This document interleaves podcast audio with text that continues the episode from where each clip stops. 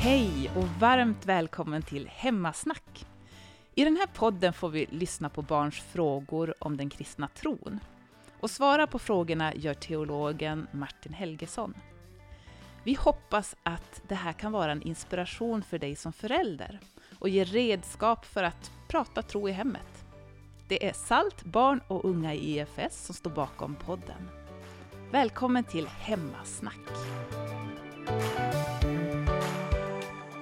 Hej och välkomna till den här podden. Eh, och jag som pratar heter Marie Larsson och med mig har jag ett helt gäng med spännande personer som har skickat in en massa intressanta frågor om Gud och teologi och en massa sånt.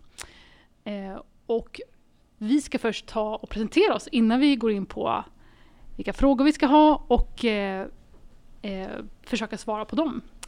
Så eh, vi börjar här med tjejen bredvid mig. Jag heter Linnea och eh, jag är 12. Jag fyller 13 i vår eh, och på min fritid gillar jag att läsa, eh, rita och rida. Hej, jag heter Aron och jag är 13 år och tycker om att spela golf. Hej, jag heter Märta. Jag är 12 år och jag gillar att vara med mina kaniner och vara med hästar. Hej, jag heter Josef. Jag är 11 år. Jag gillar att flyga drönare. Okej, spännande. Och sen så har vi en person som är lite äldre än eh, de senaste talarna här och det är självaste Martin Helgesson. Så Martin, kan inte du berätta kort om dig själv? Ja, vad vill du veta? du kan berätta vad du jobbar med och eh, lite om din familj och sådär. Jag jobbar med någonting som heter Apologia, som är en organisation som eh, till exempel gör sånt här, svarar på människors frågor om Gud och om kristen tro. Och eh, där så brukar jag vara runt och undervisa en del, i vanliga fall åtminstone, när man kan resa och träffa människor. Och spelar även in en podd för dem och mm. undervisar olika kurser på nätet och sådär. Mm. Jag har en fru och tre barn. Min fru heter Ulrika, mina barn heter Amelie, Julie och Wilfred. Och eh, vi bor eh, i eh, västra delen av Stockholm. Mm, spännande. Och vi sitter ju här allihopa för att vi ska prata om Eh, sånt som har med Gud att göra och ganska svåra frågor och så. Brukar ni prata liksom hemma om sånt eh, i den här familjen? Ja, massor. Absolut.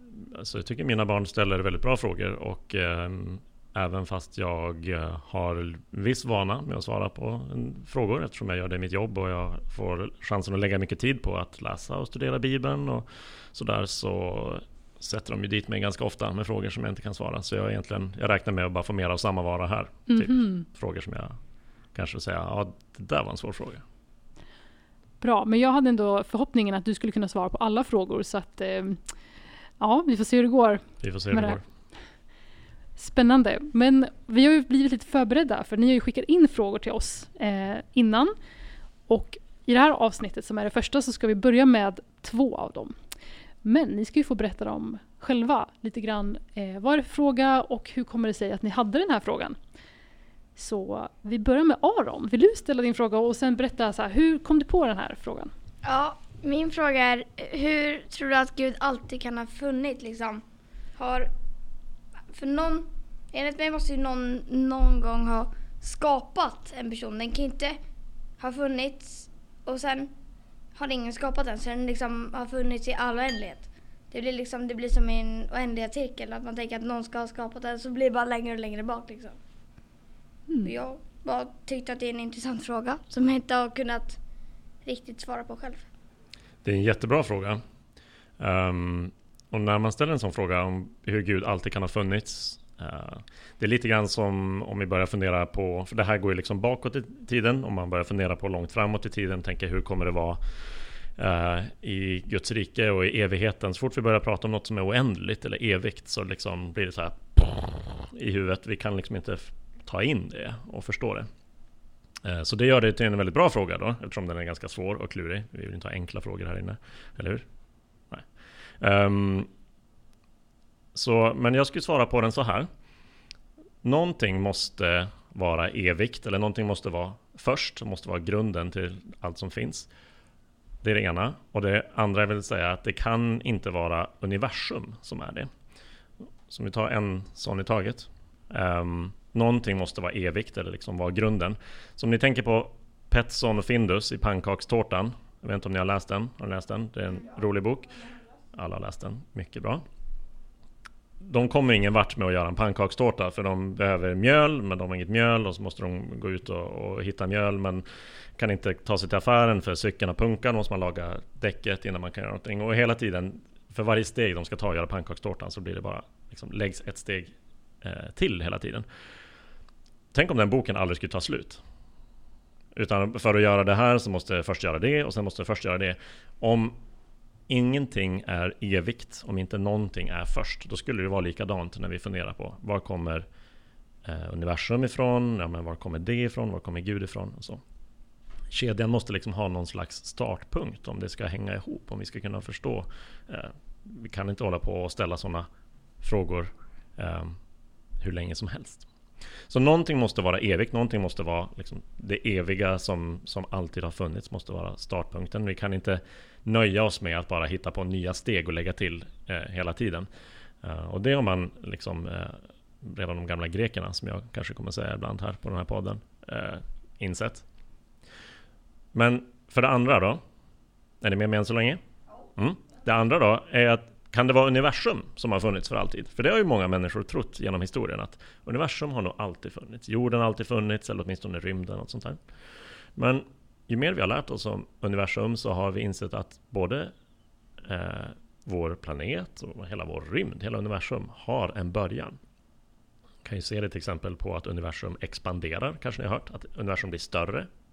Det har man kunnat studera genom att mäta olika saker i strålning och sånt i universum. Så om man då spolar tillbaka klockan så vet man att universum någon gång har blivit till. Någon gång har universum börjat att finnas. Inte bara planeter och stjärnor utan själva rymden har blivit till och själva tiden som är liksom en del av universum. Så universum kan inte vara startpunkten. Så om vi ska få någon pannkakstårta av det här eh, så måste det ha funnits någonting innan. Men Gud skulle kunna vara en sån startpunkt. Gud är ju inte en kropp som bryts ner och blir gammal och till slut dör så som vi människor. Gud är ande.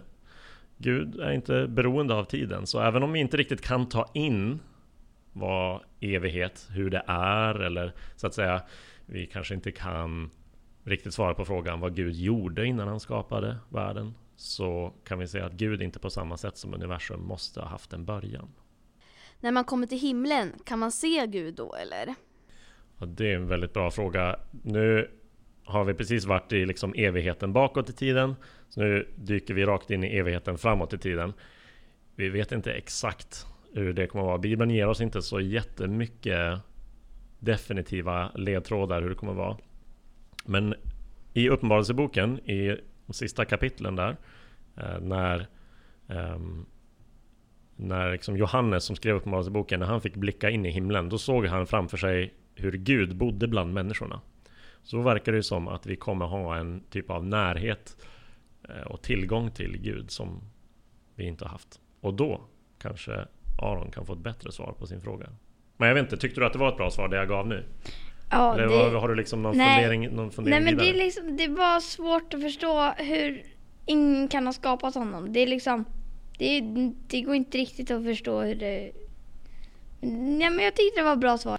Bra. Jag funderar på, du nämnde ingenting om Big Bang nu, eller hur? Nej, det gjorde jag inte. Var kommer det in i bilden? Ja men Big Bang det är ju ett eh, Det är namnet på en teori som sen eh, Början av 1900-talet har varit den bästa teori vi har för hur universum blev till. Och eh, jag minns inte exakt namnet på personen som kom på att kalla det för Big Bang här och nu. Men eh, det är helt enkelt hur de som studerar universums början, som är fysiker eller ehm, kosmologer om man vill kalla dem det. De använder det ordet för att beskriva hur universum blev till och liksom universums första utveckling. Jag som är kristen tänker ju mig att Big Bang hände därför att Gud skapade världen. Det är ju bara ett sätt, olika sätt att prata om. Eh, ordet Big Bang finns inte i Bibeln men betyder inte att, eh, att de egentligen måste säga emot varandra utan att Big Bang är fysikernas sätt att beskriva eh, de första sekunderna eller första ögonblicken i universums historia. Eh, som vi också kan läsa om i Bibeln fast med andra ord. Josef, det ser nästan ut som att du ville fråga något om det för du liksom vad känner Nej, på jag bara undrade om i paradiset, om man kommer upp dit och om teknologin nere på jorden fortsätter att utvecklas, Mm. kommer vi ha samma teknologi uppe i himlen? Eller kommer det inte finnas? Tv-spelen kommer ha bättre grafik. Det är det du undrar eller? eller? Ja, typ. Jag vet inte exakt hur vi ska tänka oss det, vilken teknologi. Alltså det står i Uppenbarelseboken igen då och eh, så står det så här att jordens kungar, liksom som representanter för jordens folk, de tog med sig det, får ta med sig det bästa. Eh, liksom det bästa som eh, man har åstadkommit eh, i världen. Exakt vad det kommer vara, om det kommer vara en särskild teknologi eller en särskild pryl som alla tycker är så otroligt bra. Det är svårt att säga, för om vi tänker på det så alla teknologier som vi har på jorden nu, många av dem har ju löst väldiga problem som fanns innan den här teknologin fanns. Men alla har de också bidragit ofta till nya problem. Så när det kommer en ny grym telefon så löser den några problem som den gamla inte hade. Den kanske har bättre batteritid. Men med mer batteritid så kan man bara vara ännu mer beroende av en telefon för man behöver inte ens ladda den längre. Så hur det kommer vara när all den teknologi vi har blir bättre men dessutom inte har dåliga baksidor. Det kommer också vara rätt annorlunda. Eh, Men liksom hur mycket som kommer att vara liknande, hur mycket som kommer att vara annorlunda, det är lite svårt att svara på. Så det kommer inte finnas någon typ någon teknologi uppe i himlen då? Jo, det tror jag. Eh, därför att om vi läser i Bibelns första kapitel Eh, så vet ni kanske att eh, det står där om hur Gud han skapar jorden och han skapar ni vet, djur och växter, till slut människor. Så står det att Gud placerar människorna i en trädgård som de skulle sköta om. Och där fanns det ju inte någon teknologi, det fanns inte byggnader eller eh, sånt här vad, vad vi vet. Utan det var som en, en väldigt enkelt, eh, primitivt på sätt och vis, paradis. Väldigt bra, men inte färdigt.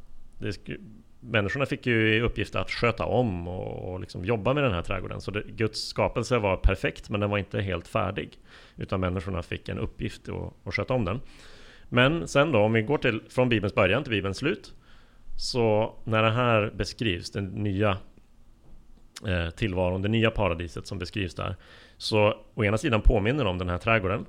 Därför att det står om en flod, det står om ett träd. Samma ord som används i början av Bibeln för att beskriva det första paradiset. Samtidigt så står det om, kallas det för en stad och inte en trädgård. Så det är en stad som ser ut som trädgården i början av Bibeln. Och om en trädgård har blivit en stad, då har ju mänsklighetens teknologi och uppfinningar fått spela en viktig roll. Så att vi inte bara startar om från ingenting, utan faktiskt tar vara på det allra bästa som har hänt. Vissa personer säger att himmelriket, eller det som man säger, paradiset, himmelriket och så, att det kommer vara i himlen. Och andra säger att himmelriket kommer komma ner till jorden. Hur tolkar du det? Vad är din eh, teori om det?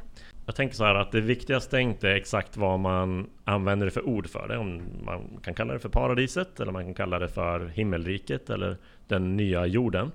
Eller kanske någonting annat.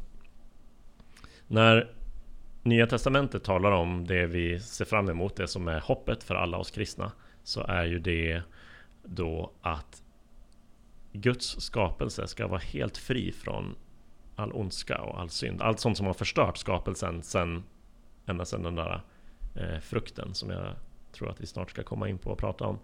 Ända sedan någon tog den och tog en tugga och, och satte igång värsta dåliga spiralen av händelser. Så poängen är att det är en skapelse fri från synd, som vi då säger, eller allt som förstör.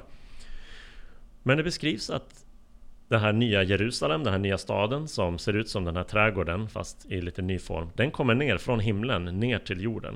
Och det beskrivs också som en ny jord och en ny himmel. Jag tror att poängen med att Bibeln talar om himmelriket det är att på Jesu tid och på de första kristnas tid då var man väldigt försiktig med att säga ordet Gud.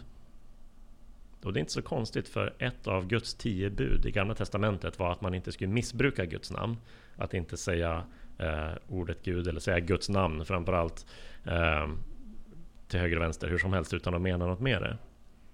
Så istället för att säga Guds rike som det står på vissa ställen i Nya Testamentet så ville vissa säga himmelriket. Så vad behöver man inte vara rädd för att man hade missbrukat Guds namn. Så att säga Guds rike eller himmelriket, det är egentligen att säga samma sak. Och betoningen, det viktiga med det uttrycket är inte att det är någon annanstans uppe i himlen, utan att det kommer från Gud. Men det kommer från Gud ner till jorden. Precis som Jesus kom ner till jorden. Det är liksom så Bibeln hela tiden. Den, Bibeln talar inte om att vi ska sticka iväg någon annanstans utan om hur Gud har kommit till oss. Så förstår jag det. Så jorden liksom lite som en, det är liksom, vi kommer inte någon annanstans. Det kommer vara jorden som gäller och det är här det kommer fortsätta vara.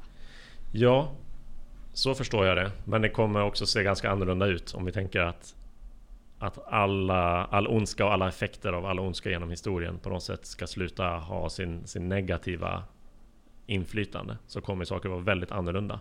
Så många platser och många saker som vi är vana vid nu kanske vi knappt kommer känna igen för att de är så förvandlade till någonting mycket bättre. Men jag tror inte vi kommer åka iväg någonstans. Um, och på tal om den här frukten och uh, hur hur liksom skapelsen förstördes och så, så hade ju du Märta en fråga. Så jag tänker ja. att du kan väl få ställa den och berätta lite grann, hur kommer det sig att du funderade ja. över det här? Varför skapade Gud eh, syndens träd? Jag menar, han kunde ju se in i framtiden och visste ju att människan skulle ta en tugga av frukten och synden skulle komma in i världen. Varför skapade ens han trädet från början då? Det är en jättebra fråga Märta. Så det här är en fråga om Gud och om det onda i världen. Och vi kommer ha fler frågor om det i ett lite senare avsnitt. Eh, för det finns så många olika frågor. Man brukar kalla det ibland för ondskans problem. Liksom, varför finns, hur kan Gud tillåta allt det här onda? Så vi, vi kommer tillbaka till det, för man måste svara på det på många olika sätt, tror jag. Men när det kommer till att prata om det här trädet och frukten, varför Gud skapade det, så kanske man ska börja med att fråga sig varför skapade Gud någonting överhuvudtaget? Och, inte, vad, hur skulle du svara på det Märta? Jo, då skulle jag säga typ så här. Gud ville göra något med så här, Han ville ha något som man kunde vara stolt över. Mm. Det är så jag typ tänker. Ja, det är ett intressant svar. Det jag gillar med det svaret är att du inte sa att Gud typ var ensam eller alltså att Gud saknade någonting. Utan för Gud, Bibeln beskriver ju Gud som eh, treenig, Fader, Son och Ande. Gud har redan allt Gud behöver i sig själv. Så att Gud skapar någonting verkar ju snarast vara att Gud liksom vill dela, dela eh, sin glädje och sin kärlek som Gud redan har i sig själv vill Gud dela med någon mer. Mm.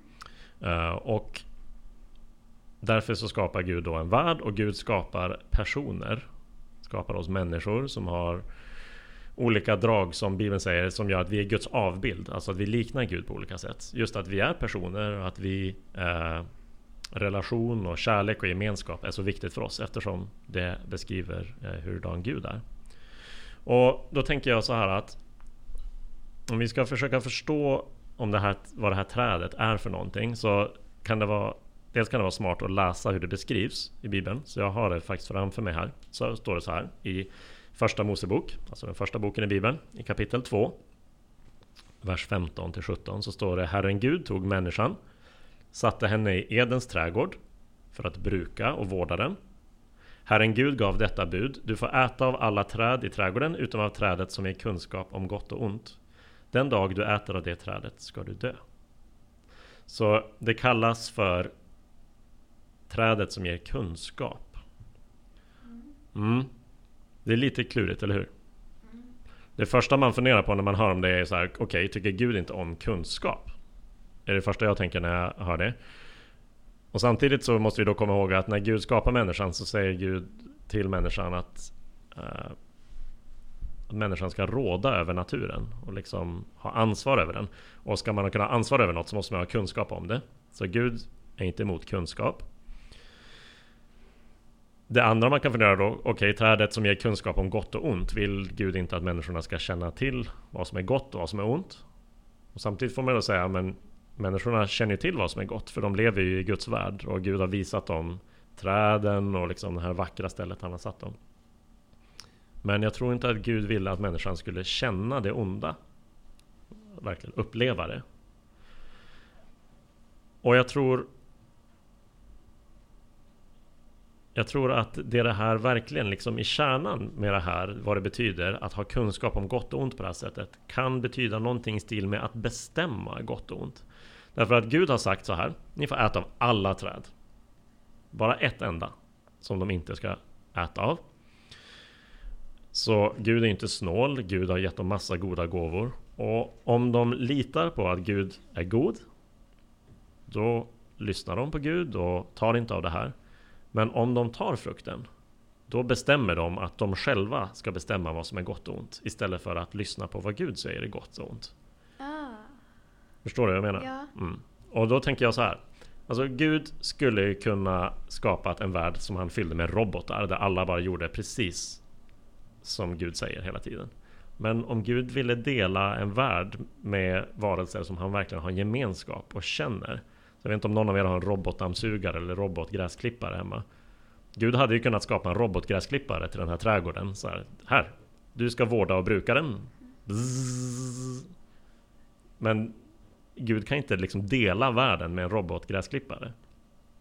Skapar han verkliga personer för att ha gemenskap med dem, då finns ju chansen att de väljer fel. Annars skulle de inte vara personer, då skulle de vara robotgräsklippare, väldigt fancy då, som kanske inte bara kan klippa gräs utan sköta om fruktträd och så. Så det verkar vara någonting med att Gud värdesätter vår frihet och vår förmåga att välja. Och eh, då spelar det egentligen inte så stor roll just med det här trädet eller vilken frukt det var. Ni vet, kanske, ni kanske har märkt att ofta så målas när det på en bild eller så, här, så är det ett äpple. Det står ingenting om vad det är för frukt i Bibeln. Utan vad människan ville göra med det. Det är Exakt. det som spelar roll. Det är det som spelar roll. Det var liksom som en symbol för deras relation. En annan sån symbol är ju den här ringen som jag har på mitt finger. Det skulle, det skulle kunna ha en annan färg. Det skulle kunna stå något annat inuti den. Det skulle kunna vara lite större eller mindre. Men det är en symbol för min relation till min fru. Och vad jag gör med den här symbolen speglar ju liksom vad, hur jag ser på relationen till min fru. Om jag förstör den eller sådär så betyder det någonting. Inte för att den här är magisk. Men för att den är en symbol. Och jag tänker att det här trädet på det sättet var en symbol för deras relation till Gud. Så att det de gjorde med det trädet sa någonting om hur de om de litade på Gud eller gjorde liksom uppror mot Gud som det då blev tyvärr. Men eh, det här med att, eh, alltså Gud, Mm. eh, jag har en teori med det här att han, han kan se in i framtiden. Han visste att det kanske skulle hända liksom.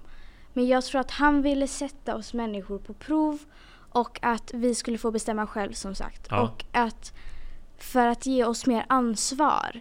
Det är lite som att växa upp. Att eh, först kanske mamma och pappa bestämmer och sen när man blir äldre så får man ta mer ansvar och man får liksom göra egna val. Det är liksom inte jättemycket hjälp man får där. Utan det är Precis. mer själv.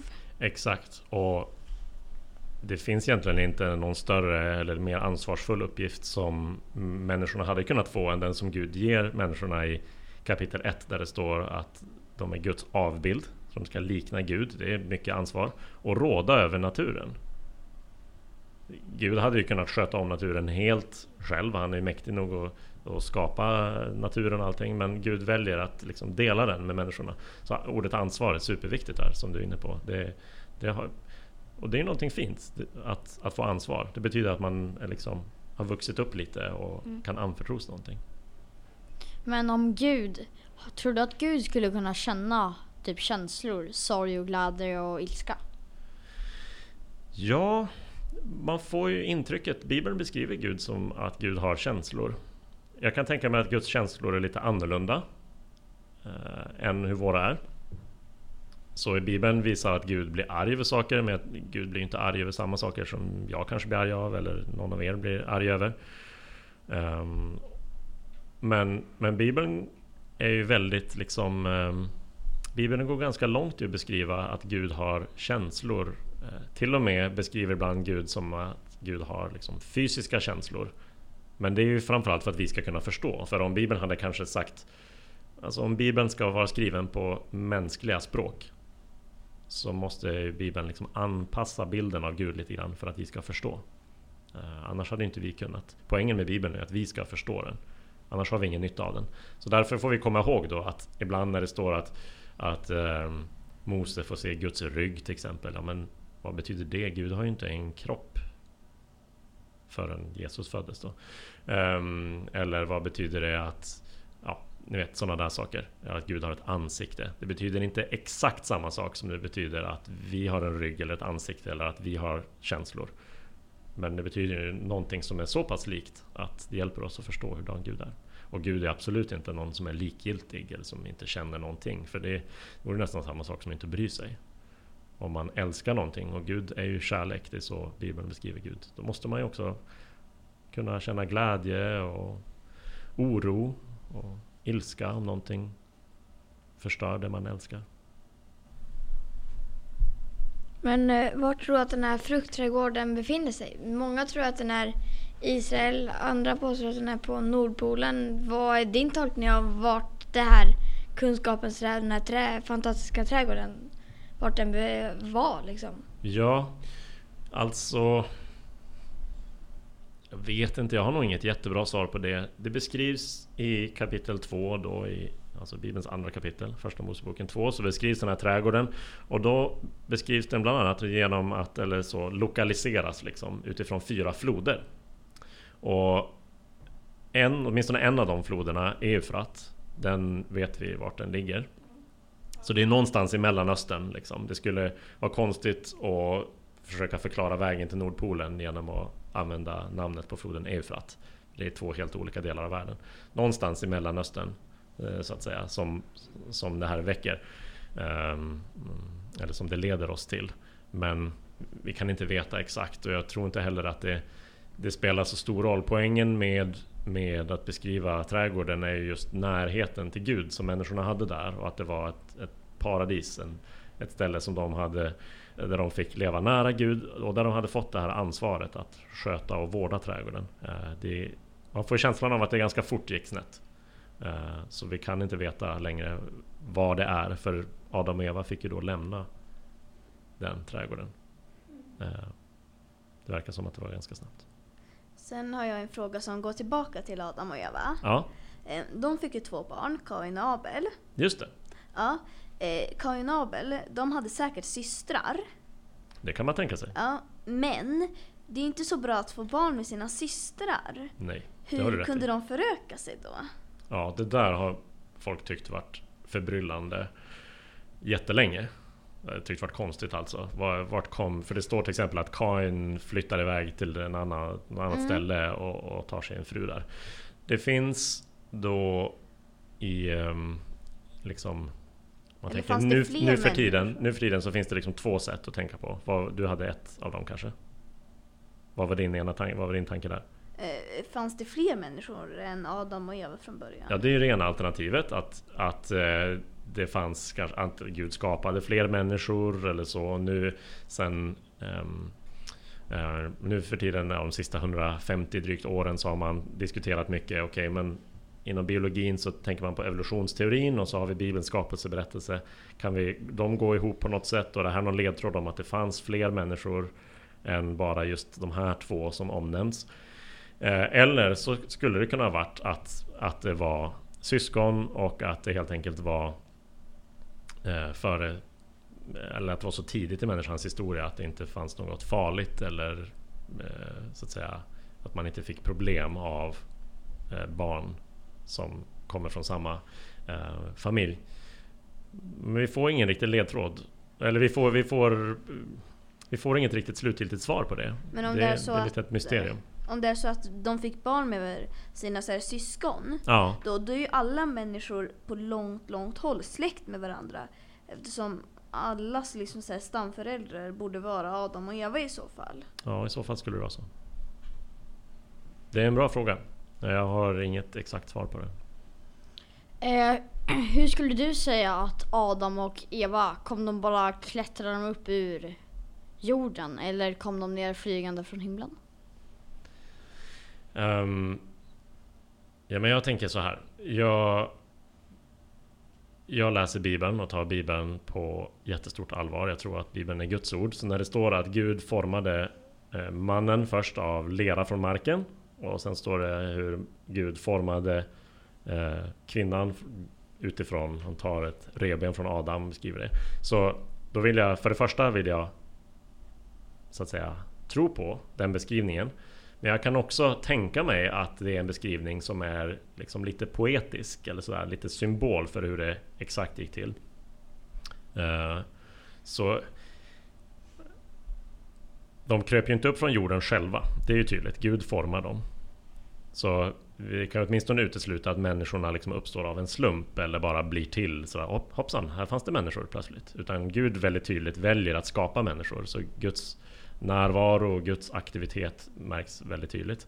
Sen, och de kommer liksom inte ner från himlen heller som om de vore någon slags änglar eller så. Utan jag tror just att, att det beskriver hur, hur eh, Gud formar mannen av lera från marken betonar att vi är en del av den här naturen. Vi har inte vi har inte liksom flyttats till något ställe vi inte kommer ifrån utan Gud skapade den här världen och skapade oss som en del av den här världen. Så vi ska verkligen tänka på oss själva som att vi har hemma här. Ja men intressant, det blev mycket om skapelsen idag, mycket om framtiden och himlen, så ganska stor liksom, spännvidd. Och jag tror att vi ska... Ja verkligen, jätteintressanta tankar tycker jag. Mm. Och eh, vi ska ta och runda av där för det här avsnittet Eh, och sen så kommer vi komma tillbaks med fler avsnitt med fler intressanta frågor lite senare helt enkelt. Så eh, tack för idag helt enkelt. Så roligt att du har lyssnat på Hemmasnack. Nu har även du som lyssnare möjlighet att ställa dina frågor till Martin. Maila gärna frågorna till hemmasnack efs.nu